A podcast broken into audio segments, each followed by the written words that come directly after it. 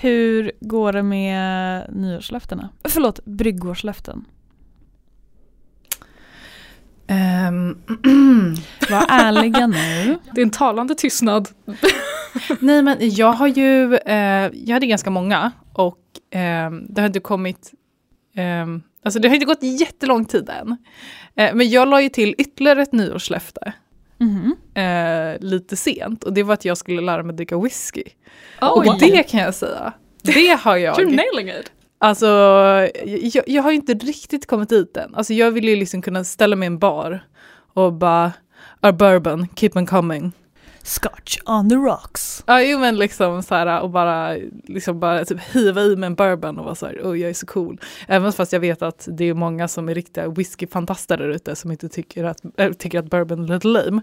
Det Ehm. låter ju som att du är ute efter det här i någon slags ytligt syfte. Oh ja! Ja. Eller nej, det- är någonting mer så här själv, jag ville bara kunna hiva i mig en whisky eller något sånt där. Och jag klarar inte av stark sprit liksom, alltså jag är Nej. jättesvårt för det. Det är ju inte trevligt att dricka. Så jag känner att nu har jag ett år på mig att bara lära mig. Ja, men skitbra. Men liksom så målet är liksom, för det lät som att du bara åh jag vill lära mig olika sorter och lära mig smak. Men det är mer bara nej nej att kunna hälla i dig alkohol. Ja. eh, Det, ja, mm, det lät inte så bra när det, när det kom ut sådär. Men ja, det, jag vill inte liksom bli en whiskykännare. Jag vill inte bli liksom en whisky eh, liksom, Du kanske, du kanske vill att det ska bli godare att dricka. Ja, precis. Jag vill bara tycka att det är gott att dricka Vänja whisky. lite. Jag vill bara liksom, jag tycker att, jag vet inte, alla, alla som dricker whisky tycker jag är så coola. Så det, löf, det löftet har det gått bra för. Men de andra då? Har du hunnit brygga någonting? Eh, jag har inte hunnit brygga någonting, men jag ska precis tappa upp någonting. Eh, och då, jag, jag gillar inte att ha flera saker som står och jäser samtidigt. Eh, och eh, det ska tappas upp på flaska. Och det var ju också ett av nyårslöftena, att jag ska Mhm. börja tappa upp på flaska. Den blev dock inte så stark, men jag känner att nästa ska jag brygga lite starkare. Eh, kanske någon form av mörkstark belgare eller något sådär. Det blir bra. Och Eh, sen funderade jag också på om jag skulle ta någon kastrull eller någonting och köra liksom en barley eller någonting. Mm. Lite barley wine liksom. Eh, så jag har planer, jag har planer. Mm, Men ja, bra. det, bra. det, det, har, det har bara gått en månad sen senast. Så. Julia, hur har det gått för dig? Ja, nej, men jag har ju inte... Jag har inte uppnått något av mina mål än. Men jag ska brygga ikväll eller imorgon. Mm. Så. Men det är ju pinsamt för att det jag ska brygga är ju till Humlemästerskapet som bokstavligen ska lämnas in om typ tre och en halv vecka. Eh, Jag har heller inte bryggt Ja, men än. Jag har, jag har inte ens krossat malten. Jag ska panikbrygga ikväll. Maja ser oerhört bister Jag och vet inte varför jag erkänner det här. Jag vill ju inte Nej, alltså, jag tror inte ni veta. förstår hur många det är som, alltså, jag, tror att, jag tror att 90% av alla tävlingsöl kommer vara sista minuten öl. Ja, det låter Nej, det, är, ju- rimligt. det är ju så här Urban brygger. Och eh, jag känner att jag följer hans eh, plan. Jag förstår honom till Mhm. 100%. Urban, you're so smart. And we all, vi förstår alla var det här kommer ifrån. Jag hoppas på en riktigt färsk, härlig öl. Det kommer gå så bra. Jag kan ju säga att jag har ju ehm, använt tandtråd ungefär fy, fyra gånger. Du, det är bättre än ingen. Ja, Ja. verkligen. Ehm, så eh, jag ska se om jag kan eh, göra lite mer regelbundet. Men eh, Mhm, mhm. det är så jävla tråkigt. Och sen läser väldigt mycket Nice. och eh, jag bryggde en liten grej igår kväll som jag kommer att prata lite mer om senare. Mhm. Välkommen till Humlepodden med Julia Jacka. Maja Koivunen. Och Rebecca Findell. Dagens avsnitt. Vi kommer prata om kvinnornas roll i brygghistorien. Yes. Superintressant. Vi kommer eh, prata med arkeologen och sommelieren Hanna Thunberg. Röra oss lite kring frågan hur bryggde man förr egentligen? Innan man hade en grandfather man kunde koppla in i väggen. Eh, och sen kommer vi eh, testa en öl. En ny öl i gammalt stuk.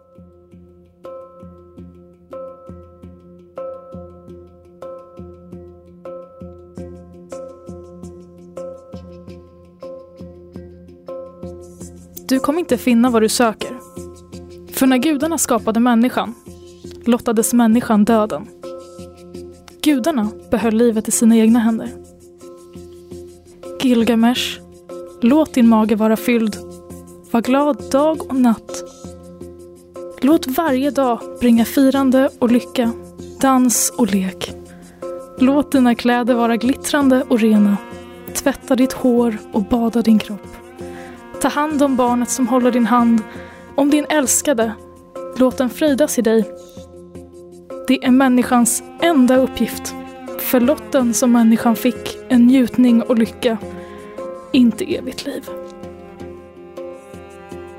Det där är min ganska amatörmässiga översättning från den engelska versen ur The Epic of Gilgamesh, tablett 10.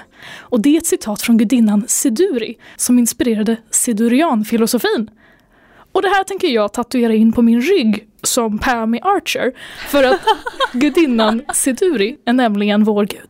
Gudinnan över njutning av öl och vin. Och detta kommer vi prata mer om om en stund. Alltså snacka om att här ha nischat specifikt eh, gudomligt eh, yrke. Jag vet! För att eh, jag inte ska dröna på här ett tag tänkte jag börja min historia med lite rapid fire. Åh nej, jag har Ja. inte förberett mig. Nej, jag vet grattis. Jag har ansträngt mig för att inte ställa er frågor innan. Ehm, så jag kommer kasta ut lite frågor. Bara kolla lite vad ni kan. Och sen kommer vi gå igenom alla svaren sen. 1. Hur länge har människor odlat spannmål eller korn? 10 000 år. Och eh, eh, mer. Ja, ni är så nära och det, alltså det där är väl fusk men det är 12 000 år. Det är Alltså du fuskar så mycket. Oh my god. Men för Men det, är, jag, det är mer än 10 000 år. Ja. Men bara lite mer än 10 000 år. Hur länge har människor druckit och bryggt öl? to- 12 000 år? Nej men det här vet jag ju. Um, 7000 år. Good job! Det är 7000 år, det är mest trovärdiga spår. Vart började vi brygga öl? Vad är de äldsta spåren av öl i människans historia? I hemmet. Nej, nej, vi, vilka land? Eh, någonstans i Centraleuropa. Ah, okej. Oj, men tror du det? Jag skulle typ tro... Vänta, var, var någonstans är det, finns det Eh, mycket runt- spannmål? Runt typ ekvatorn. Nej, men så här, det kan ju Afrika, inte... Det, Sydamerika. jag tror, jag tror, det kan ju inte ha varit... Ja, i och för sig. Asien, Nordamerika. Kommer du Eh, bara säga alla kontinenter? Japp, japp, jag vill så gärna ha rätt. eh, Okej, jag, jag skulle säga mm, Mellanöstern. Det är Mellanöstern, det är Jag var så Irak. nära. Nej, Du Wow. sa alla utom...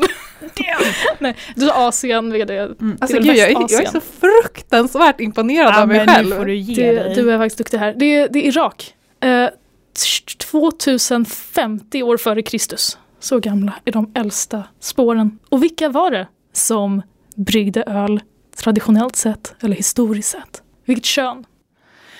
Alltså det måste... Nej, ska, det är klart det är kvinnor. Kvinnor. Kvinnor! Ölgäris, 4000 år gamla. 7000 år gamla. Okej, så ja, alltså jag är så glad. Jag älskar det här avsnittet så jävla mycket. Ehm, vi vet ju alla att jordbruksrevolutionen började för cirka 12 000 år sedan. Det är då vi börjar samla oss som människor. Vi odlar, vi odlar saker och vi har, vi har djur. Det är ett väldigt bra sätt att se till att dina barn alltid har mat. Men det är inte lika bra sätt för dig att ha en väldigt bred kost som vi faktiskt hade innan när vi var jägare och samlare. Fun fact.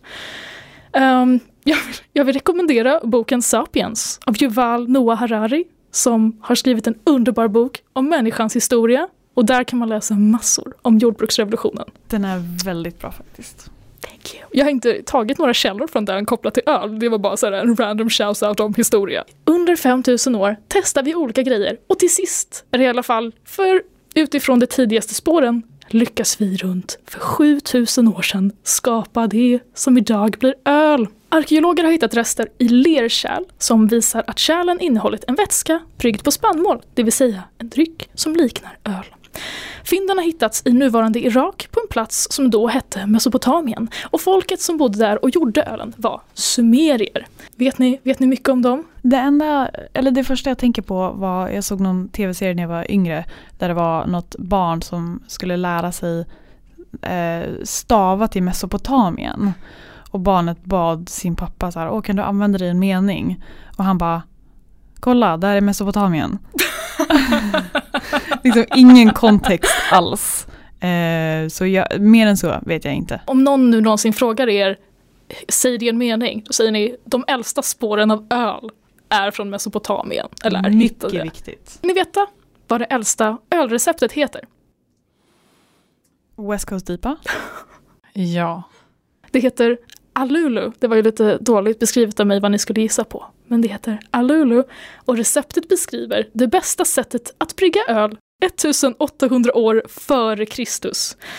Jag rekommenderar alla att googla detta, för stenplattan receptet står på är så vacker. Eh, deras skrift ser ut som olika formade jack som går från tjocka till smala i tunna droppar i stenen. Det är så fint.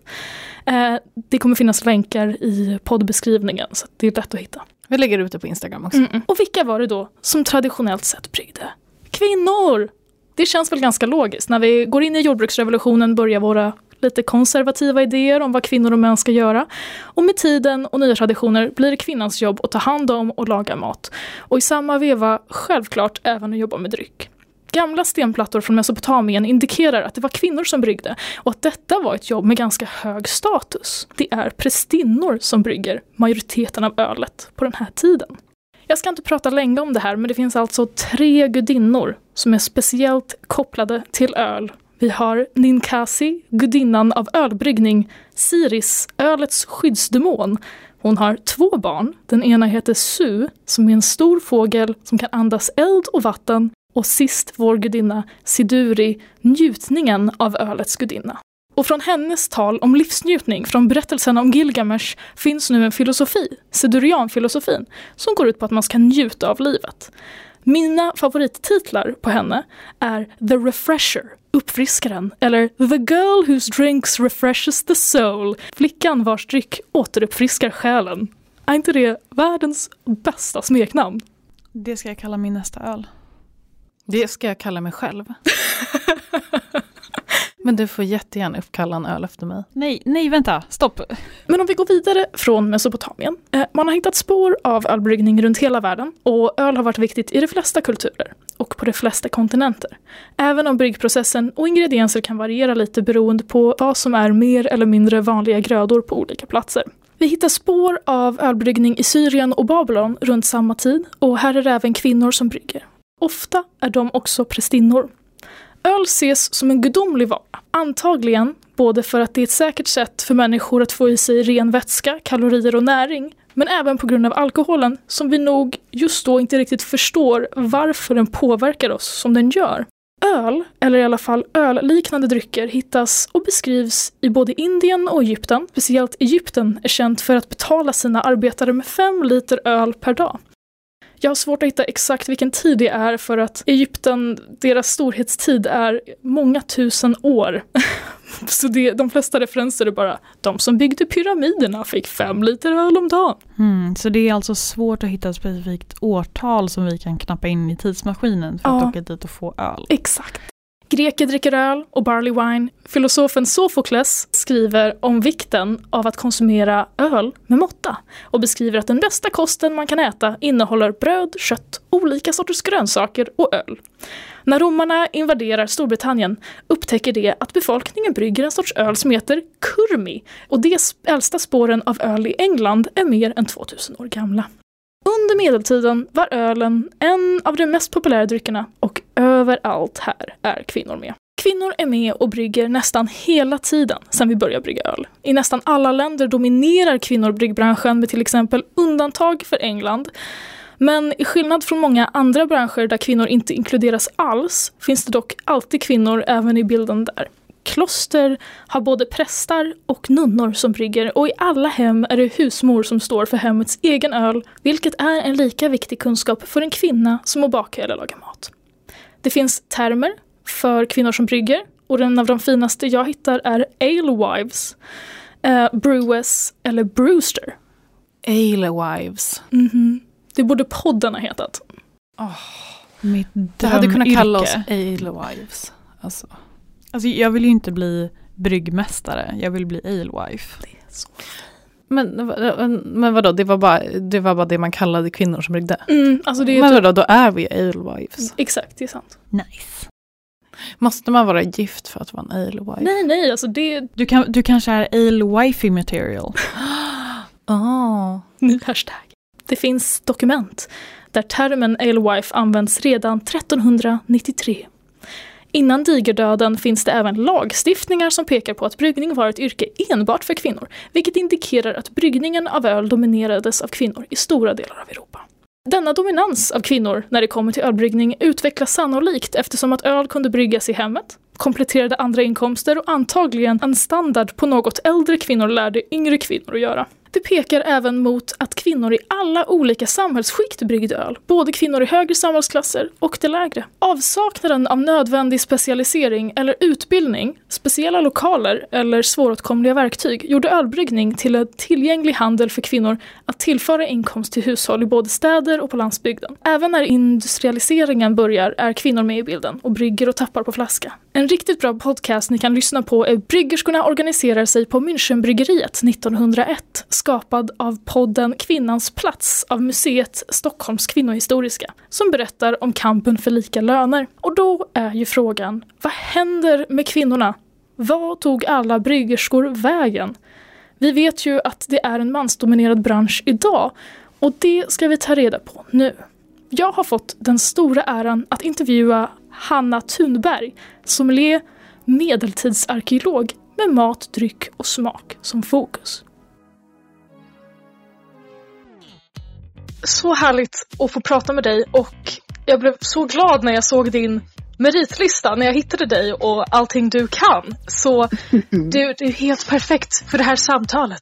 Men jag tänker att du ska få presentera dig själv. Vem är du och vad gör du?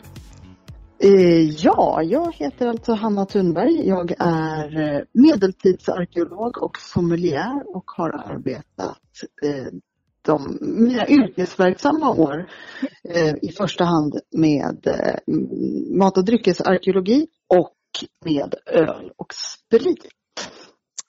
Alltså helt ja. Fantastiskt. Det måste ju vara världens mest spännande jobb. Ja, det kan man säga. Jag brukar ju faktiskt säga att, att eh, det är inte så att jag eh, har så mycket fritid eller så. Men däremot så har jag gjort, alla mina hobbys har blivit mitt yrke så att jag behöver ingen fritid. Jag och mina kollegor har ju diskuterat lite om ölhistoria och även speciellt kvinnor i ölhistorien. Uh, hur mm. kvinnor mm. har jobbat med öl under alla tider. Och jag tänkte bara börja med att lite fact-checka mig själv genom att fråga ut dig. Hur länge skulle du ja. säga att kvinnor har bryggt? Eh, sen vi började brygga. Mm. Tills för hundra år sedan. Och då kommer den mest spännande frågan här. Varför slutade kvinnor brygga för ungefär hundra år sedan? Det var, det var, flera saker som hände eh, och det viktigaste är ju egentligen industrialiseringen. Mm. Eh, genom historien överhuvudtaget så kan vi se att, att när, eh, när bryggningen blir en eh, företag eller, mm. eller en, ja, att det finns en marknad för att köpa öl så ökar antalet manliga bryggare. Och det där kan man ju tycka att det ser ut som att ja, men från medeltiden och framåt så har, så har all öl gjorts av män. Men det är ju inte heller sant därför att dels så har vi under, eh, under medeltiden så har vi tydliga belägg för att vi har haft många professionella kvinnliga bryggare. Mm. Och eh, vi har dessutom måste man faktiskt också tänka på att 95 procent av all öl fram till 1900 ungefär har bryggts i hemmet och mm. där var det kvinnodominerat. Där var det kvinnor som bryggde. Mm. Så att industrialiseringen är en viktig del av det hela. Mm. Och sen så sammanfaller det då med det sena 1800-talets fruktansvärda kringskärning av kvinnors rätt att röra sig i samhället. Så hela vägen fram igenom 1700-talet så har kvinnor haft en helt annan position där, yrke inte har varit konstigt. Mm. Men i och med mitten av 1800-talet eh, och framåt så, så knuffades kvinnor mer och mer i, tillbaks in i hemmen. Och det här skedde då samtidigt med att ölproduktionen flyttades ut ur hemmen. Mm. Och eftersom kvinnor då inte skulle ha yrken så fick männen ta över bryggandet. Mm. Enkelt uttryckt. Vad är det för krafter som påverkar det här? Är det kyrkan? Är det, liksom, det är ungefär samtidigt som man försöker frigöra många samhällen och låta eller, klasskamper och sånt. Det är spännande ja. att det här sker samtidigt. Klasskampen och, och, kampen för kvinnors rätt, den är ju en naturlig följd av att ha blivit undanskuffad skulle jag säga. Så det är snarare en respons på en åtstramning. Mm. Eh, innan dess har behovet varit mindre. Vi har en tendens att se på historien som att den ska bli sämre och sämre ju längre bak vi kommer. Men det är inte på något sätt sant. Vad det gäller kyrkans makt, eller ja, kyrkans makt över människan så ökade ju den under 1800-talet i och med alla eh, katastrofer. Torka, svält, eh, pestomgångar av olika slag, både på grödor och människor. Eh, och det innebar ju att ju, ju hårdare livet blev för folk desto viktigare kände man att det var med, med kyrka och ordning och reda och lagar och så. Mm. Och där tog ju ett, ett annat samhälle vid och det ja, som sagt sammanföll med industrialismen och en idé om att alla skulle veta sin plats för att då blev det enklare att styra. Så det är egentligen mycket eh, kyrkan som skapar de här eh, förväntningarna på vad kvinnor ska göra och det blir liksom en påverkan i hela samhället. Ja precis, och det, det där är ju det är både, eh, både den kyrkliga makten och den eh, industriella makten. För där var ju också män som satt i toppen Mm. och de var ju naturligtvis väldigt måna om att få behålla sin, eller förstärka sin maktposition. Mm. Och att ha makt över produktionsmedel är ju enormt viktigt i ett sådant läge. Mm. Eh, Det, var ju inte, det handlade ju inte bara om ölbryggningen utan det handlade om, om destillation också för den delen. Mm. Eh, 1860 så förbjöds ju hemmadestillationen eller för hushållsbruk i Sverige. Mm. Och i och med att eh, destillationen förbjöds i hemmen så fanns det inte längre någon det, det fanns inga kvinnor som, som destillerade eller bryggde heller. Utan det plockades då ut. Då, då upphör ju liksom någon form av eh, eh, mathistoria och inträder i Mm. eh, snarare en industrihistoria. Och industrihistorien och industrialismen är oerhört dominerande. Mm. När, eh, precis, jag har hört dig prata i en annan podcast om det här. Ehm, och då, då pratade du lite också om att, alltså, hur, strategin för att få kvinnor att sluta. Och du sa lite att eh, speciellt, jag tror exemplet var bryggerskorna på Gotland blir alltså skämda ut eh, Ja. från marknaden. Ja, Vilka var det som Ja, det? in, Hur- inte, inte bara på Gotland utan Mm. överhuvudtaget. Ja, så, så eh, en, en onykter kvinna är eh, högljudd och eh. Mm. Eller vad man ska säga. Och, och det skulle man skämmas för. Innan Mm. dess så är det också så här att vi, vi, vi ser inte riktigt samma skamning av, av eh, en onykter kvinna utan den kommer också där någonstans i, i de krokarna. Och att Mm. kvinnor skulle hålla sig ifrån alkohol. Kvinnor skulle vara små delikata varelser som, som höll sig på mattan och broderade. Mm. Och steg man utanför det och gjorde någonting annat så då var man en dålig kvinna Mm. helt enkelt. Och det är ett sätt att, att hålla kontrollen. Och jag tror att hela det här kontrollfreaks-samhället som uppstod då kring Mm. 1850, det handlade ju väldigt mycket om svält och elände. Ett sätt Mm. att försöka, eh, försöka, försöka skapa ordning i kaoset. Mm, mm, mm. Vi ser ju tack och lov nu långsamt att det mer kvinnor tar sig in i både ölbranschen och distillerimarknaden igen. Mm. Långsamt, Mm. långsamt, liten procent. Eh, vad känner du om, om industrin idag? Både hur öppna vi är för, för att släppa in kvinnor och eh, om det känns en bra.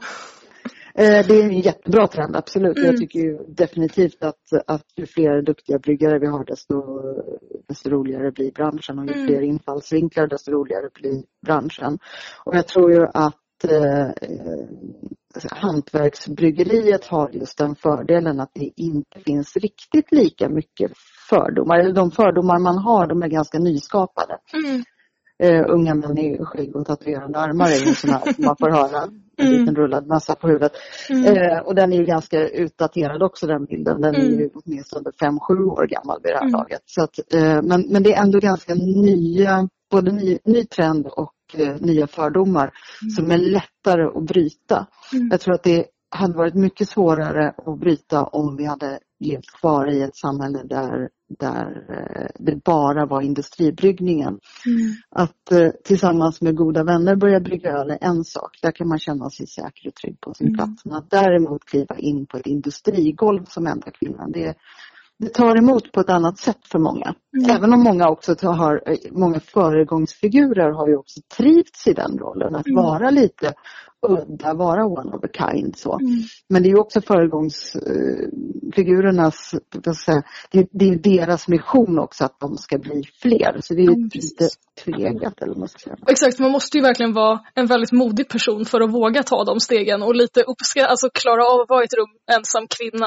Ehm, speciellt ja, mitten av 1900-talet när Ja, de här trenderna precis. fortfarande är kvar, då är du oerhört stark. Och oerhört, så att, exakt, det krävs ju väldigt speciella personligheter som vågar göra Ja. sådana saker. Men det är ju så häftigt.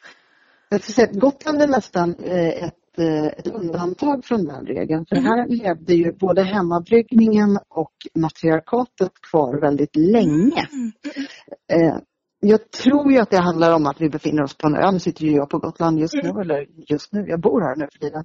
Eh, Men jag tror ju att, att matriarkatet har levt kvar väldigt länge därför att män ofta var de som seglade och det var lätt att bli av med män. Så Mm. att kvinnorna hade en starkare makt för att det var de som såg till att driva gård och, och hushåll vidare. Mm. Eh, och det, in, det innebär ju också att, att när jag pratar med äldre män nu som har börjat brygga dricka igen, för att drickabryggningen på Gotland är ju en en gammal typ av ölbryggning. Mm. Den har ju varit kvar i hemmen och det är därför som det fortfarande finns en, en traditionell gotländsk ölstil. Eh, och när jag pratar med män som brygger nu så, så säger de, när jag påpekar att, att det förr var kvinnor som bryggde så säger de nästan allihopa, ja fan det har du ju rätt i, det var ju mormor som bryggde. Ja. Jag har lärt mig av farmor. Mm. Ja, alltså även här på den här ön så har det någonstans från 50-60-talet så har det övergått till att bli ett mansdominerat eh, bryggande. Men fortfarande så ser vi rätt många kvinnor som brygger drycker på Gotland. Mm.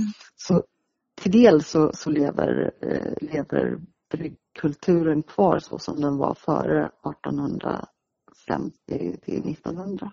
Så spännande. Du är på Gotland just nu. Vad gör du där? Jag driver lilla Boge bränneri faktiskt. Jag hamnade här på grund av ölbranschen faktiskt ska jag säga. Det är för att min man eh, är bryggare. Han utbildade sig ganska sent. Så det var nästan så att vi singlade slant om vem av oss som skulle bli bryggare. Men eftersom jag då, vi bodde i Malmö och jag hade jätteroliga arbetsuppdrag medan han hade ganska trista så fick han utbilda sig till bryggare. Eh, Så vi flyttade till Gotland för, för den sakens skull, för att han fick jobb här. Och eh, jag jo- jobbade under flera år i, i eh, ölvärlden här också. Men sen 2019 så driver jag tillsammans med flera goda vänner ett bränneri. Så vi destillerar. Superhäftigt. Jag har faktiskt varit inne och spionerat på flera av era produkter och eh, Mm. jag har beställt er, ert äh, Akka. Som Ja. är, är, och jag är så spänd. Jag, jag vill egentligen köpa alla men jag var så här, Julia du behöver ha en budget och även tänka på hur mycket alkohol du köper. Så jag har börjat med den och jag väntar spänt på att få min beställning. Eh, Ja. så, ah, så spännande. Eh, och verkligen, har du några roliga års, nyårslöften kopplade till öl eller ert distilleri? Eh, åh, jag är jättedålig på, på eh, löften eftersom jag vet att jag är extremt dålig på löften faktiskt. Ehm, och sen så är det också så att mitt liv har nog alltid varit väldigt luststyrt. Jag har gjort det som jag vill göra, det som, jag, det som gör att jag eh, gillar mitt liv. Eh, så att fortsätta, fortsätta vara nyfiken och kanske eventuellt faktiskt dricka lite mera öl också. För jag har senaste två åren så har jag tappat lite grann på, på ölkontakten. Och det handlar ju också jättemycket om den här tråkiga pesten som vi genomlever nu då. då. Mm. Att, eh, att jag har tappat kontakten med min, mina ölkompisar på fastlandet och där så då har det inte blivit lika mycket öl helt enkelt. Och sen så är det som med allting annat att när man väl börjar arbeta med någonting så, så, eh, så övergår det från att vara eh, bara roligt till att också vara ett jobb. Ja. Så att jag dricker också väldigt mycket mindre sprit nu sen jag började göra sprit själv. Ja, men, förstår. Mm. Ah, ja men häftigt, låter som ett jättebra nyårslöfte. Och ja, underbart. Mm. Låter så spännande. Jag har inga mer frågor. Är det något mer du vill dela med dig av? Oj, det finns massor att dela med sig av i bryggerier-delen av det hela. Alltså, eh, jag tänker bara, bara eh, det faktum att det finns gudar och halvgudar kopplade till, Åh. Till eh, bryggningen. Helt som i många fall är kvinnor. Yes. Och om man går till våran egen kultur så ser vi ju alla vikingatida, eh, de kallas ofta för valkyrior som hälsar Mm. eh, krigare välkomna med ett stort öl. Mhm. Och nu för tiden så vill vi också gärna ha det till att, att de välkomnas till Valhall, vilket Mm. är fullständigt befängt. För att, ja, det här är, det är jättekul faktiskt. Därför att efter döden så på slagfält eller i krigiska sammanhang så var det Freja som fick gå och välja först. Hon valde de absolut bästa krigarna till Frejas sal. Andra sorteringen gick till Valhall. Nej. Och sen så fanns det de som var så kassa så att de inte fick vara med överhuvudtaget. Ja, Men det är ju en, det är en sista kategori.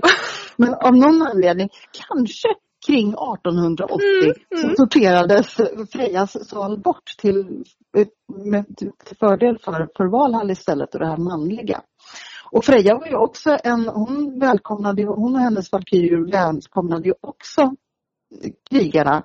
Och nu ska man inte ens säga krigare som bara män, för det fanns också kvinnor som, som eh, slogs i rustning. Eh, så att eh, de, de välkomnades de med stort öl. Likaväl när du kom hem till dem så var det ju husfrun som, som hälsade dig välkommen med ett stort öl. Och det lär också med 100% säkerhet vara hon och kvinnorna i hushållet som hade gjort ölen. Eh, så att eh, fullständigt kvinnodominerat fram tills för hundra år sedan. Om vi då säger att vi har 7000 år av ölhistoria så har vi 6900 år kvinnodominerad ölhistoria och 100 år av mansdominans. Helt fantastiskt. Och jag hade ingen aning om det här med Freja så nu måste jag börja bryggeri eller något som heter det.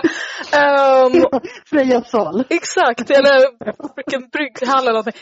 Ehm, helt otroligt, så spännande. Jag känner att, att jag kommer försöka ha dig som vår stående expert som vi ringer och stör stup i kvarten uh, om olika historiska Ja, ölfrågor. Eh, så, så spännande. Tack så jättemycket för din tid. Ja. Ha en så fin Ja. dag. Ja, detsamma. Och så hörs vi. Ja, men du, det gör vi. Okej, så vi har precis hört den här intervjun. Vad, vad känner vi? Visste vi det här? Nej. Jag hade det på känn. Men, men det, alltså, det känns verkligen så att det har varit någon slags så här dissonans i mitt huvud. Så här, Mm. Okej, att, att göra dryck vad kvinnor göra. Men i den världen jag lever i nu så är jag som kvinnlig bryggare minoritet. Vad, vad tusan hände? Jo, kapitalismen hände. Så fort man kunde tjäna pengar på öl, mm, då tog männen plats. Ja. Jag, inte, jag känner inte så mycket. Eller jag känner mig lite... ja. Bara helt bitter och bara, nej alltså. Nej, men ja. lite uppgiven. Men alltså, jag, jag, jag är ju väldigt mycket så här, ah, det var ju tråkigt. Men alltså, jag vet inte, det, det, det är historia och det är coolt. Men jag vet inte, vi får blicka framåt. Vi får se Mm. till så att nästa århundrade blir kvinnornas århundrade igen. Mm. Precis, det är liksom inte så mycket vi kan göra åt det gångna. Mm. Förutom att idag informera om att så här har det sett ut. Mm. Men nu blir det andra bullar. Mm. Bring women back to brewing. Yeah. Ja. Alewives Unite. Nej men det är ju den. Det, det var så himla tragiskt att höra det här. För att jag känner precis som du sa Rebecka den här dissonansen. När jag kom in i branschen för bara lite mer än ett år sedan så var man ju väldigt medveten om att det är en jättemansdominerad liksom, industri och bransch. Och eftersom att man har växt upp med det är det det man accepterar att självklart har det alltid varit så. Så nu när Hanna gick igenom och även nu när, gjort, när vi gjort research i alla avsnitt då är det ju också man, man märker ju att kvinnor har varit med så länge och det blir den här logiska, ja, men alla bryggde ju hemma. Det är husmor som brygger. Det är något alla kvinnor lär sig. Och sen är det ändå liksom att man inte blir insläppt i branschen och då speciellt när det här börjar hända i slutet av 1800-talet och sen under 1900-talet. Det, ehm, det går inte riktigt ihop om man inte förstår att det är liksom en strategisk förändring som sker för att behålla makt hos en viss grupp. Men alltså jag tycker det är jättekul att män brygger öl idag. Alltså det, det, jag tror att jag hade blivit ännu mer störd på det om män inte bryggde alls. Mm. Så att under ja, ja, alla alltså, århundraden hade fortsatt bara vara kvinnor som bryggde. För då hade det ju varit lite så här Ja men som alla andra jävla kvinnodominerade mm. sysslor. Ja, men det precis, liksom... det är ju inte så att vi vill att okej okay, men nu har männen haft hundra år, nu får de sluta med det här. utan det är så här, okej okay, men vi behöver göra det jämställt. Ja, men, För det, det, var inte jämställt förut, alltså innan män började brygga. Då var det bara kvinnor som mm. gjorde det och sen så var det liksom i största del män som gjorde det. Mm. Vi behöver hitta liksom the happy middle. Mm. Där alla får ta lika mycket plats Mm. i den här branschen. Och inte bara i liksom den kommersiella bryggningen utan även så här ölföreningar eller hembryggarföreningar. Det är väldigt mycket äldre män. Eh, och det är liksom dags att, att vi jämnar ut spelplanen, tycker jag. Ja, en uppmaning till alla tjejer, kom igen ta lite plats. Mm. Men eh, jag, jag, tycker att det är ganska intressant den här övergången. Att, um, alltså liksom, liksom, när det var hushållsarbete att brygga öl, att det då föll på kvinnan. Men så fort det liksom inte blev hushållsarbete längre, så fort det blev liksom en marknad för det, så fort det liksom gick från jämna hushåll till att liksom någonting man, ja men blev mer en industri av det, att det då blev liksom bara försvann från kvinnorna helt. Som att kvinnorna bara gör det när det är en hushållssyfte. Alltså... Samma sak med typ restauranger. Mm. Så fort du kan öppna en restaurang och laga god lyxig mat och tjäna pengar på det. Alla de liksom allra kändaste tv-kockarna är ju män. Mm. Det finns ett skämt om det i någon SVT-show där de pratar om att så länge kvinnor gör det, då är det så här då är det bara hushållsarbete. Men så fort en man gör det blir det så konst eller det blir mm då får ett värde. Så fort något får status, då får kvinnor inte längre plats. Nej, för det, jag diskuterade det här eh, med några i vintras där en kille försökte övertyga mig om att det inte finns könsnormer som påverkar varför samhället ser ut som det gör. Um, ja, Under ja. vilken sten var han född? Ja, ja det, var, det, var spänn, det var en spännande diskussion. Snacka om gaslighting. Um, mm -hmm. Ja, verkligen. Men, och hans argument var väl också typ att det, det är kvinnors fel att, att det ser ut som det gör för vi får ju bara ta de jobben vi vill ha då. Och han vill liksom inte ha könsfördelade marknader för att han vill ju inte tvinga folk att ta jobb de inte vill ha. Men liksom, det är ju inte poängen. Poängen är bara att alla som vill göra något ska självklart bli välkomna in och få göra det. Och om någon är riktigt duktig så ska du få göra det no matter vilket kön du är eller vilken hudfärg eller din läggning. Att det, det är ju det enda målet. Och jag hatar verkligen det här, så här, ja men om de vill ha mer jobb i den här branschen, ta bara jobben, gå in och sök jobben. Ja och jag, ska, jag säger nej till våldtäktsmannen och då liksom, det är inte så det funkar. Nej. Mm. Ja men sen är det ju också, alltså vi har ju ändå liksom de könsnormerna vi har. Och jag menar, det är lite så här, tänk när liksom kvinnor håller på med liksom do it yourself. Eller liksom så här, kvinnor har ju ofta, liksom, när man håller på i hemmet och gör saker, då kan det oftast klassas som liksom att pyssla. Mm. Eller liksom göra någonting. Men när män gör saker, då är det ett intresse, eller en hobby ett hantverk. Konstnärligt. Ja, ja, jo, men alltså det, det, blir lite skillnad. Och sen, nu ska man inte säga det är inte så hela tiden, det är inte så överallt. Och det är ju verkligen inte så, alltså vi har ju verkligen gått långt ifrån det. Oh. Men det, det, är fortfarande lite av den där liksom, vänta, det finns fortfarande den stämpeln. Mm. På något sätt, att det inte blir lika seriöst. Nej, men det, och det känner jag lite med ölbryggning också. Om vi har en kille som brygger, då blir det så här, oh, wow vad häftigt att du gör det här. Men nu när jag börjar brygga, jag har ju visserligen fortfarande lite av en status för att det är så få kvinnor som gör det. Men det är också lite den här, men vad härligt, det är ju liksom kvinnosyssla. Och då kan man få tillbaks liksom den här husmorsäran av att man gör det för att man är kvinna och bara, men vad bra, in i köket. Och det blir också så lite läskigt med hur man, att bara, för att jag är kvinna och jag gör det här så får jag fortfarande en annan status än en man. Det blir lite gulligt att jag gör det. Bara, men bra, då kan du ju matcha det med mat. Du kommer bli en jättebra fru. Istället för, ja men vad ballt, vill du vara med i tävlingar? Vill du göra de här sakerna? Vill du undersöka vatten för att utveckla det bästa ölet? Alltså det är intressant att du säger det, för en av de största när folk träffar mig får reda på att jag brygger. Eh, och alltså en av de första sakerna som andra säger är ju då liksom, åh gud vad lycklig din man är, eller liksom din kille är då. Och så säger det, ja, min kille dricker inte öl. det är inte hans skull jag brygger. Han gillar inte öl, det är jag som gillar det, är för mig jag brygger. Det är för att jag tycker det är kul, det är inte för att jag ska plisa min liksom, kille. Men det, är, men det är intressant att det är fortfarande det, bara, åh gud, vad lyckosrickad liksom. Nej, mm. inte, inte riktigt. Jag tycker nog han tycker synd om sig själv för att han hela tiden måste, ja, all min utrustning som står överallt och jäsinkar med öl som liksom tar plats. Och det, han måste hjälpa mig och det blir stökigt och blött när jag håller på och brygger och städar. Och. och det är han som är designated driver mm. från träffar. yes. Det är jätteskönt för mig som ska vara Det är superskönt. Det kanske ska vara det nya svaret. Och bara nej, men det är tur för mig att jag har honom. Ja, precis. Han bidrar till min process. Mm -hmm. Jag, jag, nämnde ju det lite eh, i introt. Eh, det här med liksom att man har ju inte alltid haft ett bryggverk man kan liksom koppla in i väggen. Och nu, nu ska jag säga så att de flesta idag kanske inte brygger med bryggverk utan de kanske fortfarande kör liksom i en kastrull eller hink-hink eller sådana där saker.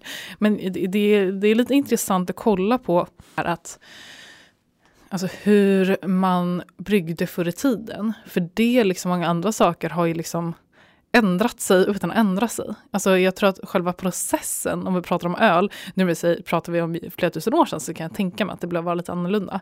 Men det här med att öl, alltså du måste ju fortfarande gå igenom alla steg. Du måste fortfarande alltså, ha mältat korn. Du måste ju fortfarande liksom mäska. Du måste fortfarande utvinna sockret från den här malten. Du måste fortfarande liksom koka, värma upp. Liksom. Så att det är ju ingen skillnad. Alltså det är samma sak som liksom, om du bakar bröd. Om du bakar bröd idag jämfört med många, många tusen år sedan. Ja, men det ska fortfarande mjöl blandat med vatten jäsa in i ugnen. Eller liksom sådär. Principen men, är ju densamma, men det ja. kanske bara vägen hur man tar sig dit som har förändrats lite. Ja, precis. Alltså jag, jag, jag kan tänka mig att det, nu har de liksom de senaste hundra åren, vet jag inte, det kanske man har byggt ungefär ganska lika, men hur har det sett ut om vi går många, många år tillbaka? Vi, vi har ju eh, allihopa tagit, eh, eller kollat på en gammal bryggmetod var. Um, jag tänkte att jag kan börja. Um, tänk er att det är för flera hundra år sedan. Klart. Yes. Det är, eftersom vi är kvinnor så är det vi som brygger. Fuck yeah. Mm -hmm. ja. Uh, och ni, ni, ni, sitter där och tänker att nu behöver vi brygga lite öl till hushållet. Eller vad det skulle vara. Men gud, vi har ju ingen utrustning. Uh -oh. Vi har ju liksom inga metalltankar. Vi har inte en plastjäsink. Badkaret? Vi har, ja, vi har inte ens kittlar kanske, för de kanske är ovanliga och dyra. Eller så finns de inte ens i samma liksom, som fanns tidigare. Det kanske finns liksom gammaldags kittlar. Men det, det, de måste vara ganska stora för att man ska brygga. Och alla kanske inte har det. Mm. Så... Och sen, det finns ju ingen el heller, för obviously, den är inte uppfunnen än. Um, vad gör ni? Spår panik? Eller? ja, nej men vi gör bara inte öl. Jag ser framför mig mycket eld här, eldstad, eld, brasa. Uh, hur många hundra år sedan sa du att det här var? Bara hundra år sedan? Nej, några hundra år sedan. Några hundra år sedan. Ja, mm. det var, ja. ja men är säkert stor eldstad i mitt härliga kök. Uh, men du sa att jag antagligen inte har en kittel. Tänker jag lerkrukor känns som någonting mm. man skulle kunna ha. Ja, nej, men det är väl det. Eller det kan ju inte vara trä. Jag står fast vid mitt badkar. eh, för jag vet att man kan... För badkar hade? Ching, ching. Ja, men eh, jag tänker... Eh, djuren kanske hade någon så här stor mm. balja som de drack vatten ur. Och så eh, en dag i veckan då får de inte dricka något vatten. Eller då får de gå till bäcken. För nu ska vi göra öl i den kitteln. Mm. Och så eldar man under. Och så har man en pinne som man rör runt med. Och så uh, blir det något mm. tjafs av det hela. Mm. Ja, men kanske. Jag vet inte. Det är, folk kanske var lite påhittiga. Nej, men eh, vad man såklart kan använda sig av, det var ni lite inne på, eh, är ju liksom träkärl.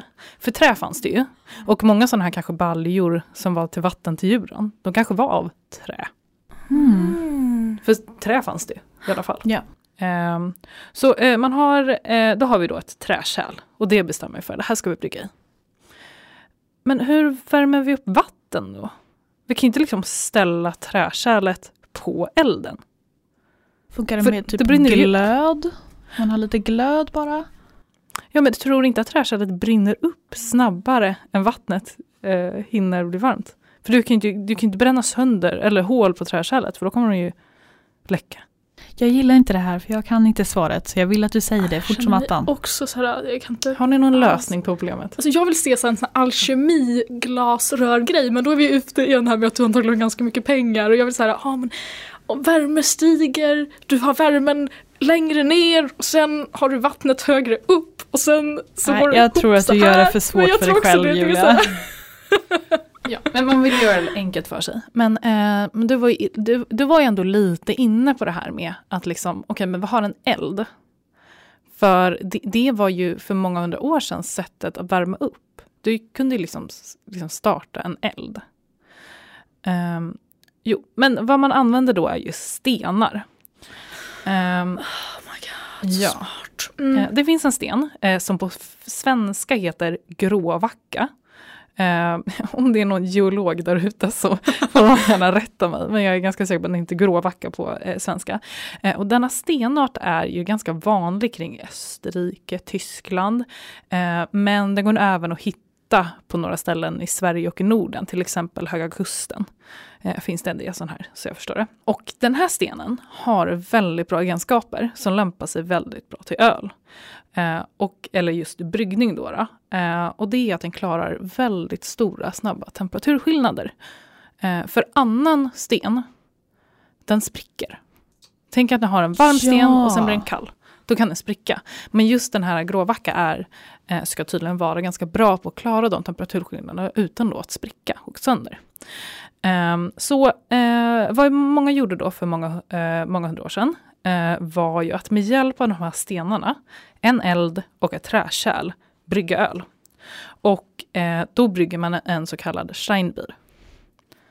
Som betyder Ja, Stenöl! Precis. Eh, så den bryggs ju då med den här metoden, därav namnet stenöl. Alltså jag kan inte ens, alltså jag är, jag är tyst för typ första gången i podden Julias utan mina, mind är blown. för jag är så mindblown. Men ska jag berätta lite hur man gör? Ja. Ja. Ehm, för kort och gott eh, så värmer man upp mäsken eh, och vörten med hjälp av glödheta stenar. Lägger man alltså stenen i kärlet? Alltså du värmer upp stenen och sen så bara droppar du ner den i vätskan eller? Ja, men eh, för du har ju det här träkärlet eh, som du har vatten i. Eh, och du värmer liksom upp vattnet med hjälp av de här stenarna som du har liksom le- låtit att ligga i öppen eld. Så du har eldat och värmt, liksom, tänk en stor eldstad liksom, som du bara lägger alla de här stenarna i så att de blir liksom glödheta. Mm. Vi snackar typ tusen grader eller mer, alltså de blir jättevarma.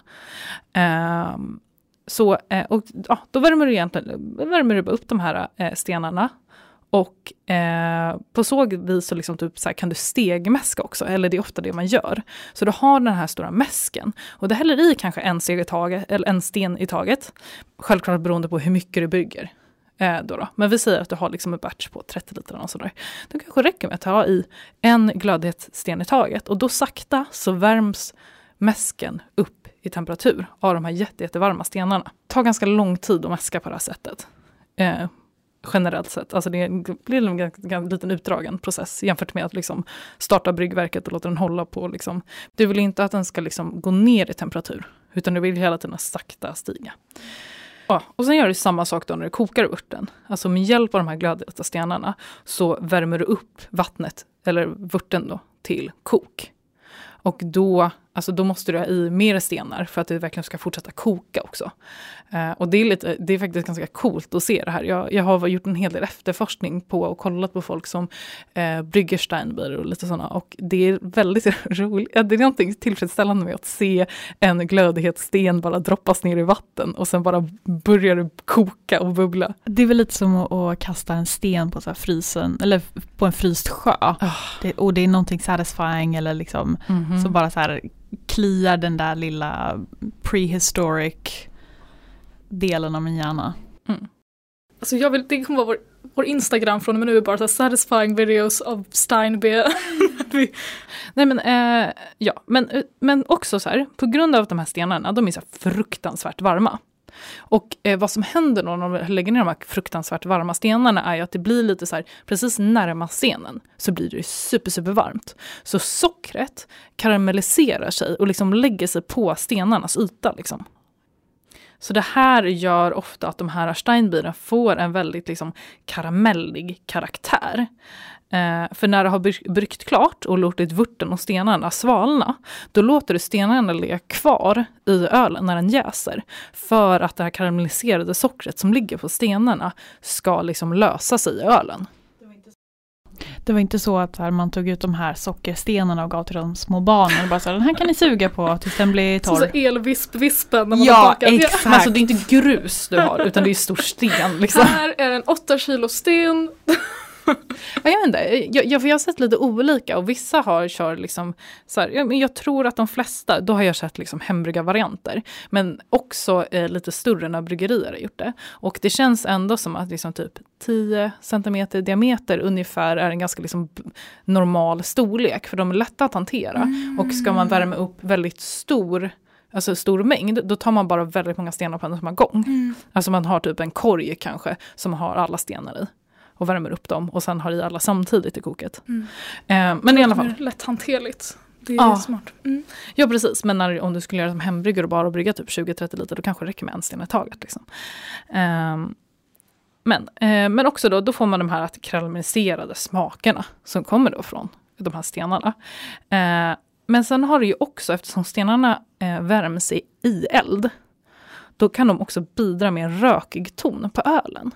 Så det är ganska vanligt att de här eh, Steinbieren är rökiga. Eh, och det här är någonting som är lite frågasatt eh, med gällande liksom de flesta bryg, bryggarna. För eh, många av de, alltså de rökiga varianterna som finns att köpa, eller som har funnits att köpa, de är ehm, Alltså där har man ändå tillsatt rökmalt i också. Så att det är liksom inte så nödvändigtvis att den rökigheten kommer från stenarna.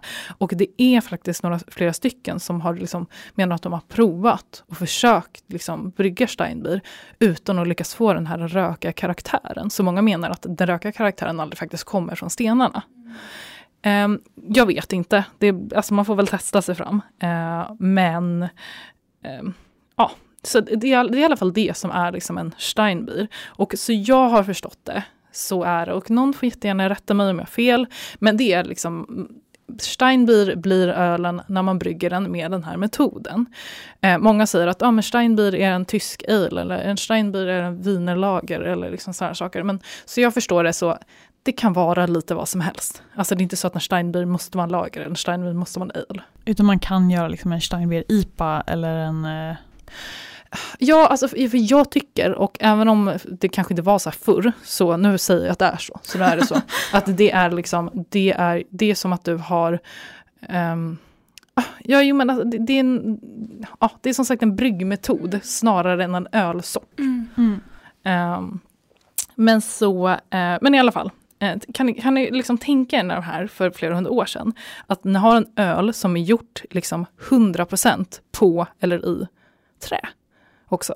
Alltså att man, man har mäskat i träkärl, man har kokat i träkärl, man har jäst i träkärl, man har lagrat ölen på träfat.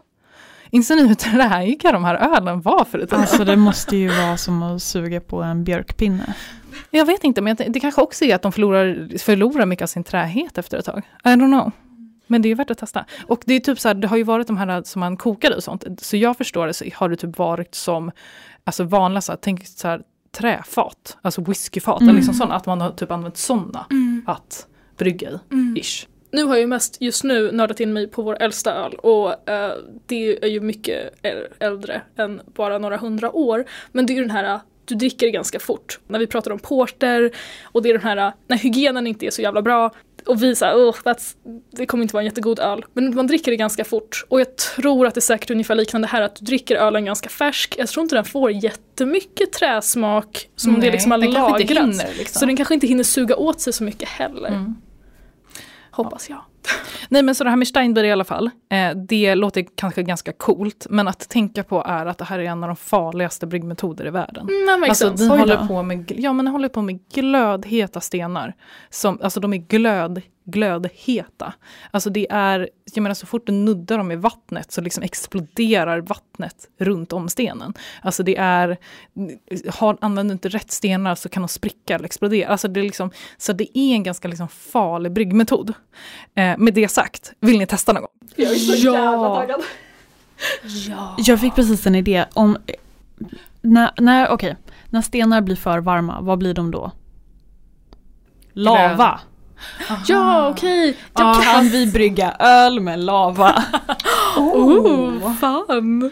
Ja, för sig, för nu när du säger det. När man, man har ju kunnat se sådana här ehm, eh, filmer på när folk tar lavaprover. Mm. Och då har de typ ofta kanske en liksom, skål med vatten som de häller i lavaprovet i. För att det ska stelna eller något. Mm. Och det påminner lite om det här faktiskt. Det här kanske är steg två, vi kanske ska börja med att väldigt försiktigt testa Steinbier. Jag funderade lite på, jag bara shit, jag måste testa det här. Alltså jag, jag fick reda på vad Steinbier var först eh, för typ ett, två år sedan. Och då har jag, sen dess har jag verkligen varit typ så här, gått i tanken och bara, någon gång ska jag verkligen bygga en Steinbier. Hur ska jag göra? Vi har varit väldigt mycket inne på att liksom använda bastu. Ni vet ju en bastu, att det brukar finnas stenar på bastuaggregatet. Och att jag typ har varit inne på att okay, men då kanske man kan lägga stenarna och köra liksom en riktig bastuöl. man brygger i bastun med liksom de varma stenarna och värmer upp stenarna med hjälp av bastuaggregatet. Slipper man hålla på med en stor liksom eld. Um, men det kanske, jag vet inte, det kanske är lite omständigt. Uh, och det är ju någonting med det här att liksom tända eld på en stor brasa. Och liksom, att elda är ju supertrevligt. Jag älskar att elda. Och bara liksom hålla på med, liksom, kolla så lägger stenarna rätt, se till att det är en bra eld och glöd, den lilla bryggningen. Man är utomhus, det är liksom mysigt, man gör en grej av det. Jag vill så himla gärna göra det här. Kom igen, vi måste brygga en slangbil! Ja. 100 procent ja. Men vi fick ju smaka Steinbier. Ja, eh, för jag hittade ju en eh, Steinbier eh, som jag beställde från Systembolaget. Eh, och ehm, ja, det var, det var liksom den enda egentligen jag kunde hitta. Den det, var, heter... det var ju inte ett stort utbud precis. Jag förstår Nej, inte och det varför tog typ det fyra inte veckor att få hem den också. Exakt. Ehm, den heter, alltså jag vet inte riktigt hur det här ska uttalas, Leikin. Leik, Leikem. Like. L-E-I-K-E-I-M.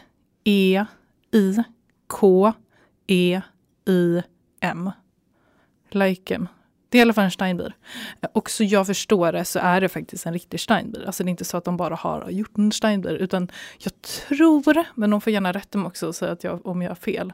Men jag tror att de ändå har bryggt den lite enligt liksom Steinbier-metoden. Vilket är väldigt, väldigt ovanligt idag. För alltså det, Steinbier var ganska vanligt. Men sen när industriella revolutionen kom, då blev det ovanligare och ovanligare. Och det, sis- det sista, alltså det är ganska opraktiskt Mm. alltså sätt att brygga. Så att ofta så var det liksom bara mindre bryggerier och folk som var hemma som inte hade råd med de här jättestora kittlarna som vi körde.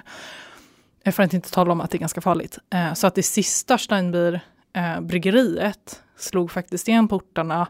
Jag tror att det var början av 1900-talet i samband med första världskriget. För då var det väl lite svårt, då slog ju mycket igen. Eh, speciellt liksom Österrike, Tyskland som var liksom Mm. så att, så att det är inte liksom, det är en väldigt, väldigt, väldigt ovanlig metod idag. Varför? Det var svårt att hitta en öl.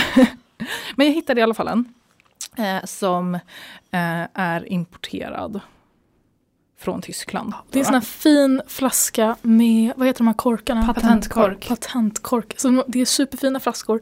Finns ju även två liters flaskan. Åh, alltså jag ville så gärna beställa den, men det fick bli små flaskor.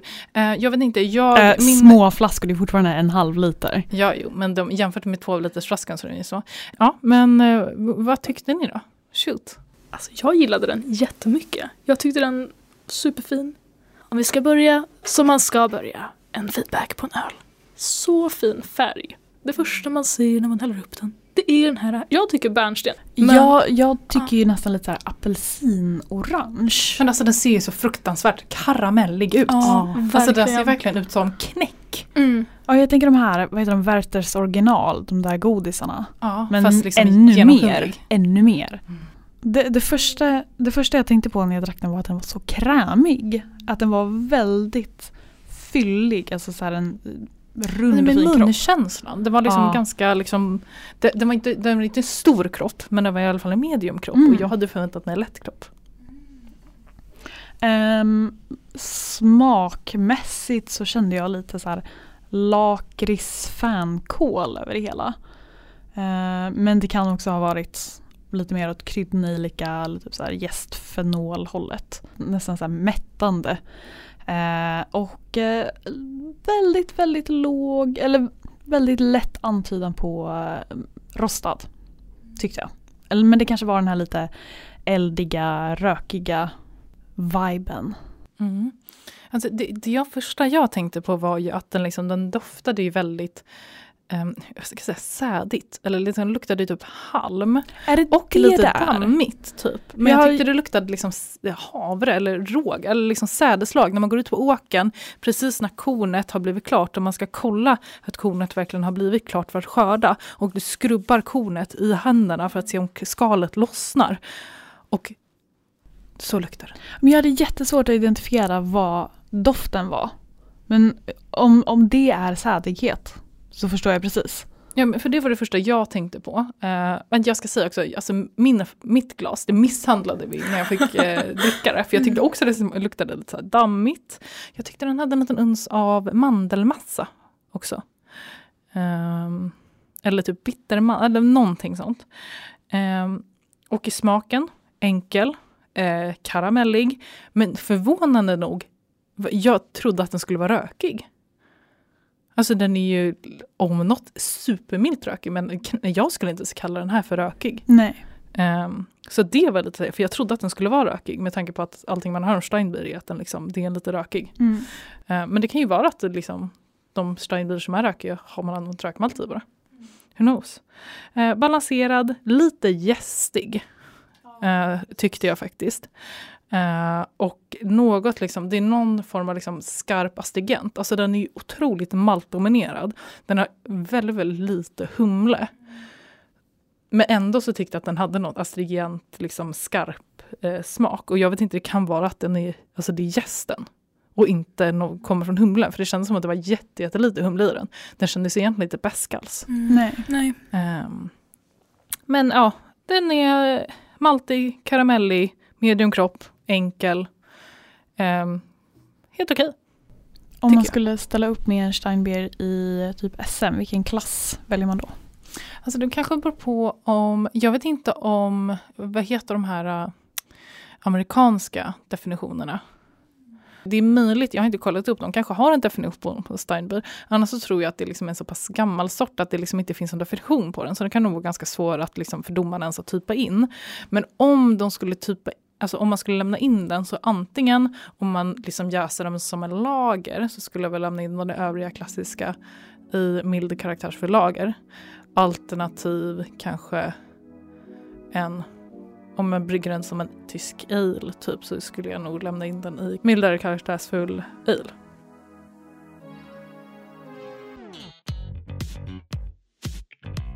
Jag sa ju lite på skoj i förra avsnittet att jag skulle lära mig dekoktionsmäska.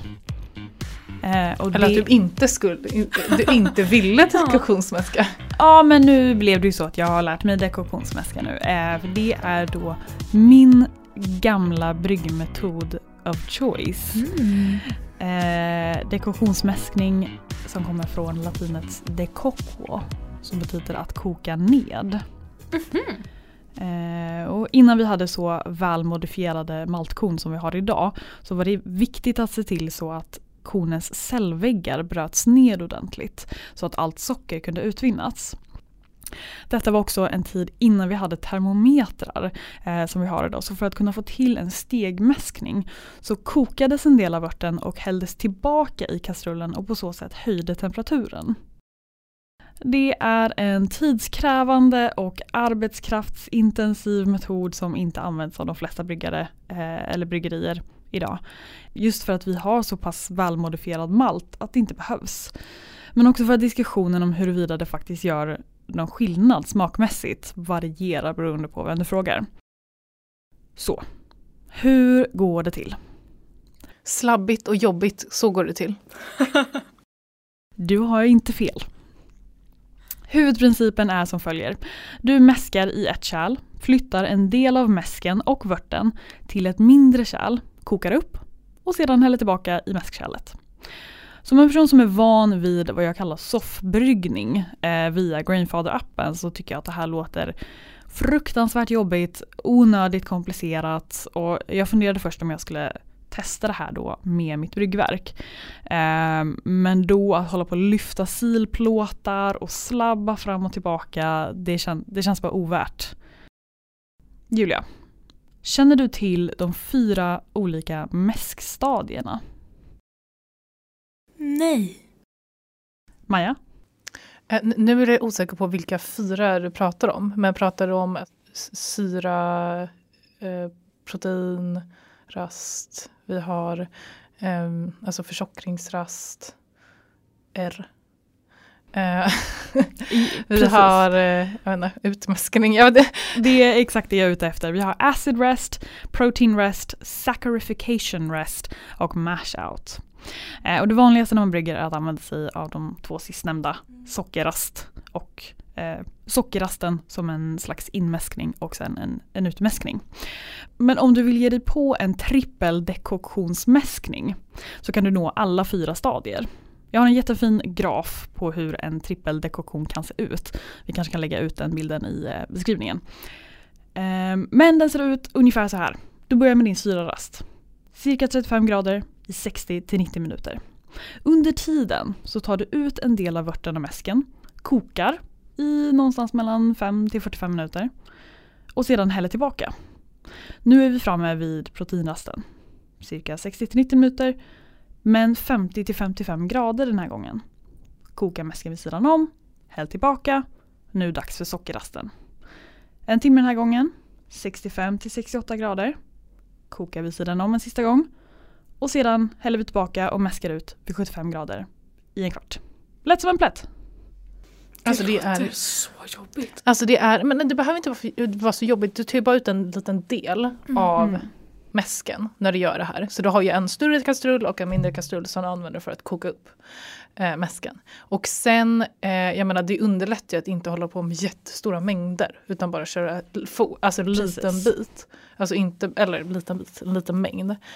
Eh, och sen, men alltså jag har ju sett folk göra det här. Jag stod bredvid eh, vår kollega Claes Wedin eh, när vi eh, bryggde en gång på eh, Spritmuseet hade någon sån här öldag och det var många, många, många år sedan. Jag hade precis börjat jobba här då. Eh, jag stod ju där med liksom en Brameister.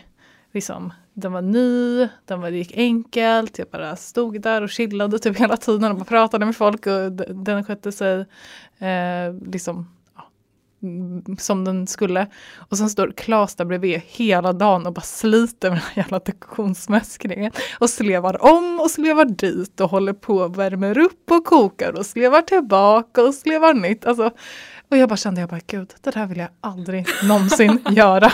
Alltså en trippeldekoktion kan ju ta, jag skulle säga minst tre timmar men snarare uppemot fyra, fem timmar.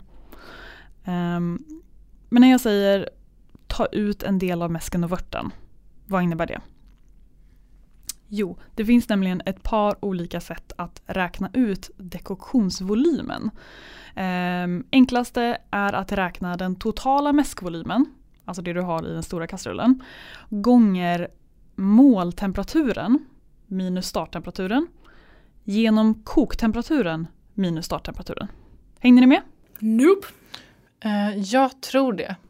Formeln är alltså total mäskvolym gånger, inom parentes, måltemp minus starttemp, slutparentes, delat på parentes koktemp minus starttemp, slutparentes. Och det är alltså din dekoktionsvolym. Frukta icke, jag har ett exempel. Jag ska mäska totalt 7 liter. hur mycket ska jag dekoktionsmäska under syrarasten? Målet är att efter syrarasten komma upp i cirka 53 grader, alltså proteinrasten. Men just nu är vi 35 grader. 53 grader minus 35 grader är 28. Koktemperaturen är ju 100. Den minus 35 grader är 65. Alltså ska jag räkna 7 gånger parentes 28 genom 65 slutparentes. Som blir cirka 3 liter. Ja, det är okej att använda miniräknare. Eh, sedan är det vanligt att lägga till ungefär 15-20%. Det är bra att dekoktionsmäska mer än nödvändigt. Eh, så då ska jag använda mig av ungefär 3,5 liter. Men alltså det måste ju finnas en sån här calculator, alltså en kalkylator, eh, liksom program eller någonting sånt på internet. Säkert, men det var faktiskt inte så svårt när man väl kom igång. Eh, nästa dekoktion ska jag från 53 grader till 67 grader. 7 liter gånger parentes 14 genom 47 slutparentes plus 20 procent ungefär 2,5 liter. För min tredje dekoktion räcker det med 2 liter. Och så länge man håller alla siffror liksom rätt i munnen så går det ganska lätt att räkna ut. Som jag nämnde tidigare så är det vanligt att koka sin dekoktion i 5 till 45 minuter, vilket är ett väldigt stort spann. Mhm. Men lätt att tänka är kort tid för ljusöl, lång tid för mörköl. Mm. Anledningen till detta är Maillard-effekten. Känner ni till den? Nope. Vad sa du att det hette? Sa? Maillard, det är franska. M-A-I-L-L-A-R-D. Maillard. Det är en kemisk reaktion mellan proteiner, eller aminosyror, och socker under värme. Det ger alltså en mörkare färg och ibland lite extra smak. Det är liksom det som händer när du grillar en köttbit eller när du bakar ett bröd. Värmen reagerar med livsmedlet och gör att färgen på ytan mörknar. Har det någonting att göra med melanoidin? Säkert. Eh, och det här som jag har beskrivit då är ju en trippeldekoktion men det finns ju såklart enkel och dubbel dekoktion också. Eh, och bland dubbeldekoktion så har du även klassisk dubbel och förhöjd dubbel. En enkel dekoktionsmäskning kan ske under vilken av rasterna som helst men vanligast är från sockerrasten till utmäskningen. En klassisk dubbel innebär dekoktion från proteinrasten till sockerrasten och sockerrasten till utmäskningen. Förhöjd dubbeldekoktion är i princip lika arbetskraftsintensiv som trippeldekoktionen men proteinrasten blir betydligt kortare. Tanken är att under syrarasten göra en dekoktion på hälften av mäsken, alltså betydligt mer än i de vanliga fallen. Göra en proteinrast på dekoktionen innan du kokar den och sedan tillsätta den i omgångar. Så det här schemat kräver lika mycket jobb som en trippeldekoktion men du fördelar arbetet olika. Jag testade att göra en klassisk dubbeldekoktion igår i kastrull. Och jag tycker att det är så himla svårt att hålla temperaturen. Men jag lyckades hålla en lagom syrarast, en proteinrast som blev lite för varm och säkert var mer som en sockerrast och sen en utmäskning. Förutom att det var ganska slabbigt eh, så gick det väldigt bra tycker jag. Men hur lång tid tog det för dig? Tre timmar kanske. Alltså mäskningen? Mhm. Mm. För basmalten så använder jag till största del ekologisk baldermalt från Varbro kvarn. Eh, som jag inbillar mig är mindre modifierad än malt från de större mälterierna. I vanliga fall när jag brygger med baldermalt så får jag väldigt dåligt utbyte. Det vill säga det är svårt att utvinna sockerarterna från kornet. Men nu tror jag att jag fick snäppet bättre utbyte faktiskt. Svårt att avgöra dock eftersom jag använde lite malt från Weirman och Crisp också. Eh, och de har ju väldigt välmodifierad malt. Men jag skulle nog vilja testa det här igen med bara baldermalt från Varbro eh, och köra en batch med dekoktion och en batch utan eh, och räkna ut det exakta utbytet för att se om det faktiskt lönar sig. Så den här metoden används ju knappt längre eh, av kanske förklarliga skäl. Den behövs inte riktigt eh, eftersom maltsorterna vi använder idag är liksom anpassade för att kunna utvinna så mycket socker som möjligt. Eh, Men den brukar anses som nödvändig i vissa typer av tysk lager. Mm. som jag nämnde förra gången. Ska man göra en bra tysk och tjeckisk pilsner ska den dekoktionsmäskas. Känner ni er taggade på att eh, Absolut inte. slabba i köket? Alltså egentligen inte. Men jag vill ju också, som vi pratade om i förra avsnittet, jag vill ju göra en pilsner urkel. Och då är jag nästan villig att offra mig att köra en 10 liters batch och göra det här.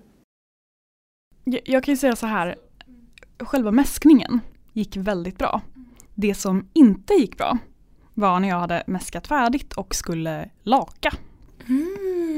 För då la jag eh, filterpåsen i ett durkslag som jag vilade med durkslaget handtag på kanten av kastrullen.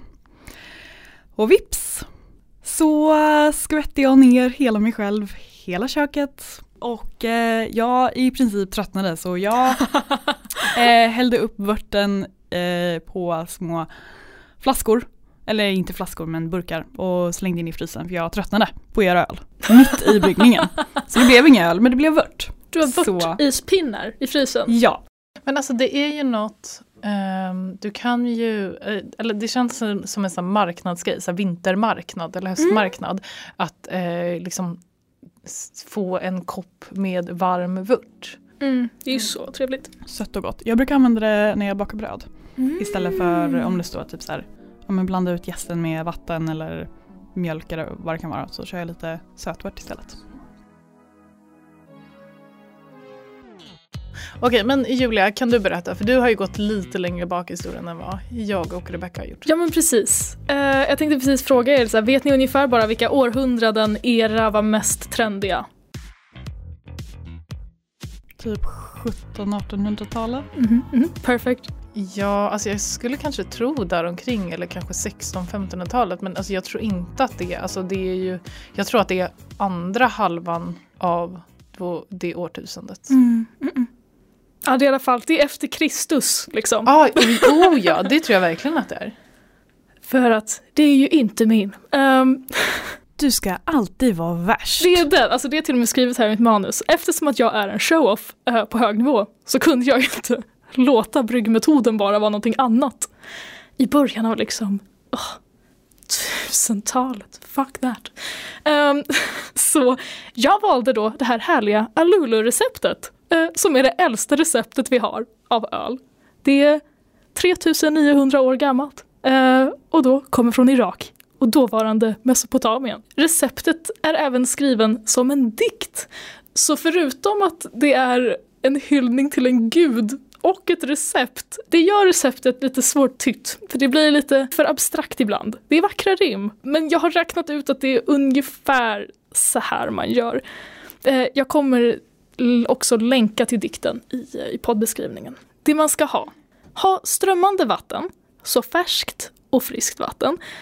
Sen är det en liten dikt om vattnet och sjön där vattnet kommer ifrån. Och sen beskrivs hur gudinnan, för det är då självklart den sumeriska gudinnan som gör hela det här. Det är skrivet ur hennes perspektiv som en hyllning till henne. Ninkasi, som då var gudinnan av ölbryggning, inte gudinnan av att njuta av öl. Hon bakar bapir, som är ett sumeriskt dubbelbakat kornbröd eh, som hon med en spade rör om med och häller i sirap från dadlar. Eh, och det är lite otydligt om det här är separat från bryggningen, att man bakade bröd i samma veva som man bryggde för att använda alla råvaror eller om vörten bygger på en biprodukt från brödet eller om brödet är grunden till vörten för att det är ett sätt att liksom behandla kornen.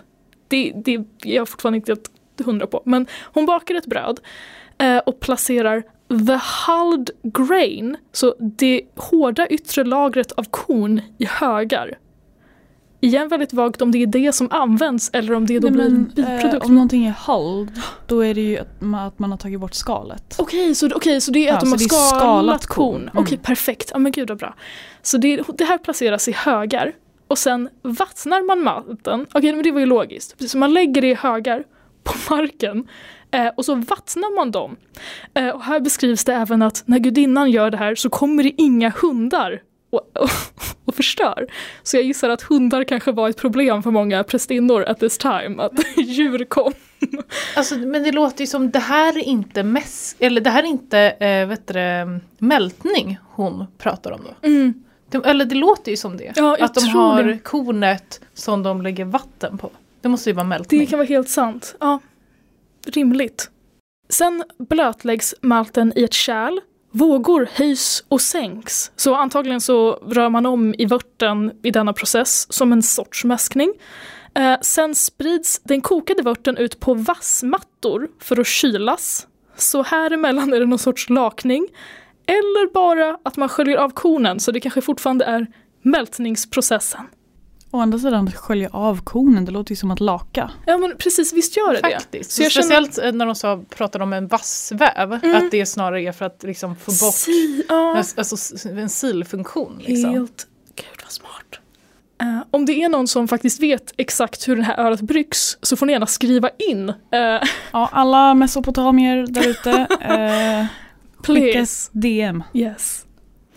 Um, Okej, men nu, nu kommer vi igång här med koket i alla fall. Ehm, sen är det gudinnans händer som håller i vörten, kokar den med honung och vin. Du, gudinnan Ninkasi, den söta vörten för kärlet. Så antingen är hon ölen eller så är det bara en vacker komplimang. Du är så söt som vörten i kärlet. Vilket jag tycker är väldigt romantiskt. Det vill jag att min käresta säger till mig. Mhm. Ehm, sen filtrerar man vörten. Det blir ett trevligt ljud. Är med i dikten. Och det tycker jag är sant, det pålar lite. Det är nice. Eh, så antingen är det en tillakning eller en, alltså ja det, det är vagt. Okej, uh, vörten hälls upp i ett stort kar. Och här antingen upprepas det eller så häller man upp det i ett nytt kar. Så att man liksom tappar det flera gånger men det kanske är någon sorts silningsprocess. Det här ölet ska drickas färskt. Det får en alkoholstyrka på ungefär 3,5 procent. Eh, och återskapades 1991 av Fritz Maytag, grundaren av Anchor Brewing Company i San Francisco. Och det blev ett sött och gott öl helt utan beska. Ja, för då, jag tänker också det. Jag bara, de pratar, det, det är mer som ett maltvin än en faktisk öl. Mm. För de har inte någon liksom, humla alls. Nej, nej. Humle är en ganska ny grej. Så man kanske skulle kunna kalla det ett historiskt barley wine. Ja. Inte en barley wine som vi känner det idag. Intressant. Exakt. Men det var vad vi definierar som det äldsta ölreceptet. Och nu har ni också hört det. Ut och brygg. Lite besvärligt att eh, skriva sitt recept i form av en dikt. Ja. Det tycker jag, eh, innan du började läsa så tänkte jag, ja men det där låter ju festligt. Kanske man ska testa. Men eh, det var ju att, att introducera en tolkningsaspekt i ett recept är aldrig en bra idé. Men vadå, hur vet vi att det faktiskt var ett riktigt recept de tänkte? Alltså tänk om det är någon som bara, nu ska jag skriva en dikt som en hyllning till Ninkasi. Och, och sen kommer det vara liksom bryggtema på det, obviously. Och sen bara det om det. Och sen var det inte alls tänkt som ett Alla recept. Utan bara, bara, varför lyssnar vi på den här jävla... ja, det, det, det kan ju vara så. Men det verkar som att den här dikten är något... Alltså det, det är liksom en välkänd text som verkar ha funnits som, som i ett tempel. Så antagligen så har det varit så här, ja men det här är processen som vi följer. Så även om det kanske inte är ett recept för att man skulle läsa det och brygga efter det. Så eftersom att den bygger tillräckligt mycket på hur de bryggde så det var har mer en den en beskrivning av... Exakt. Ja. Ja. Intressant. Very interesting. Ja. Vad sa du, 3000 år? Eh, yes, 3900 år.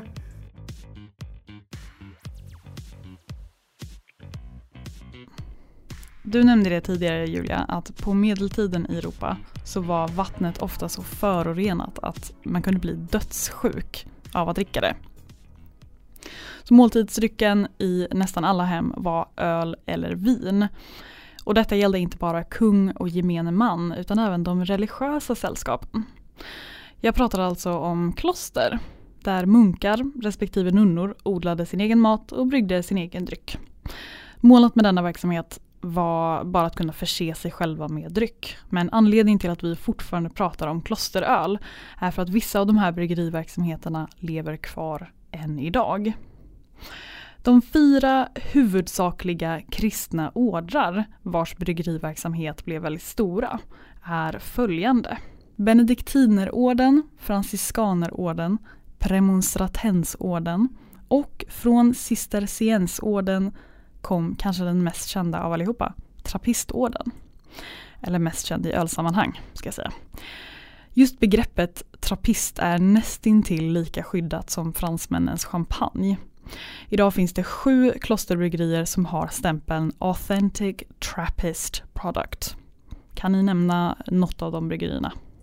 Kemi. Rätt. Åh nej. Good job. Det är de belgiska Chimay, Orval, Rochefort, Westmalle, Achel, västvletaren och holländska La Trappe. Men vad är en klosteröl egentligen?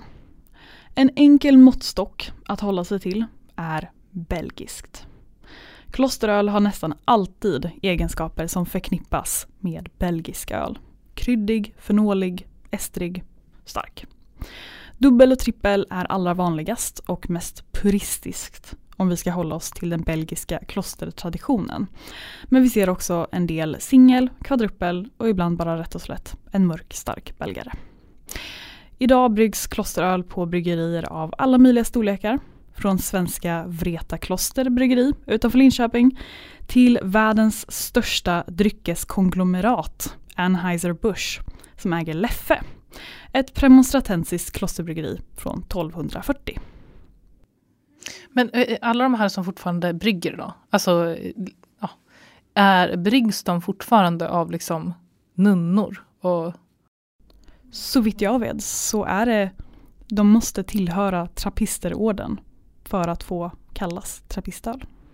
Ja, och då bara bryggs de av nunnor och munkar. Jag, visst, eller jag, säger, jag antog att de fortfarande var liksom, jag tänkte att det idag kanske inte de faktiskt kanske inte bryggdes av just dem utan att de var lite sålda eller att bryggeriet var sålt men de höll kvar sina gamla och kallade det fortfarande klosteröl. Men klosteröl idag, eller tra speciellt trappistöl idag, är faktiskt bryggt av munkar och nunnor. Ja, det kan ju vara så att de som Leffe till exempel ägs av ett annat företag. Eh, men för att det ska vara en, en ordentlig klosteröl så ska det bryggas av klosterfolk. Så att säga. Alltså jag, ja, fett ballt. Och jag tänker att det är typ det enda som skulle göra det värt att vara nunna, är liksom om man skulle få brygga öl. Så egentligen för att du får vara en alewife Exakt. och typ bo kanske i en cool borg. Så får du faktiskt aldrig vara en wife. Exakt. Jag är gift med ölen. Västmalle har man ju hört talas om, eller jag har, jag har sett jag tror till och med jag har köpt flera. De är ju trevliga, tycker om dem. La Trappe är också så här väldigt vanlig. Mm. Och. Och Orval är också jätte, alltså de är, det här är ju liksom stora, bryg, välkända Mm. bryggerier. Och som man brukar säga, en Chimay och en Chidey. Skratta då! Alltså, det, vänta, jag försöker fortfarande, en, en kemi, en kemi. En till mig och en till dig. Eller? Aha, okej, förlåt. Alltså, min hjärna är inte med idag. Jag är gonna be- jätteledsen. Det var jätteroligt Rebecca. Tack. Ha ha ha ha ha. You're gonna be a great dad. Thank you! Nästa avsnitt kommer vi prata lite mer om amerikansk öl eh, och hela den craft brew-scenen. Och även gå in lite mer på Pink Boot. Lyssna då, första fredagen nästa månad. Och om du vill veta vart alla våra härliga berättelser kommer ifrån så kommer vi länka alla våra källor medverkande i en källförteckning som finns i poddbeskrivningen. Du har lyssnat på Humlepodden med Julia Jacka, Maja Koivinen och Rebecca Findell. Du kan nå oss på podcast.humle.se och följa oss på Instagram där vi heter Humlepodden. Lyssna på ett nytt avsnitt första fredagen varje månad. Det här avsnittet producerades av Humlegårdens ekolager, manus av Julia Jacka, Maja Koivunen och Rebecca Findell. Klippning av Julia Jacka.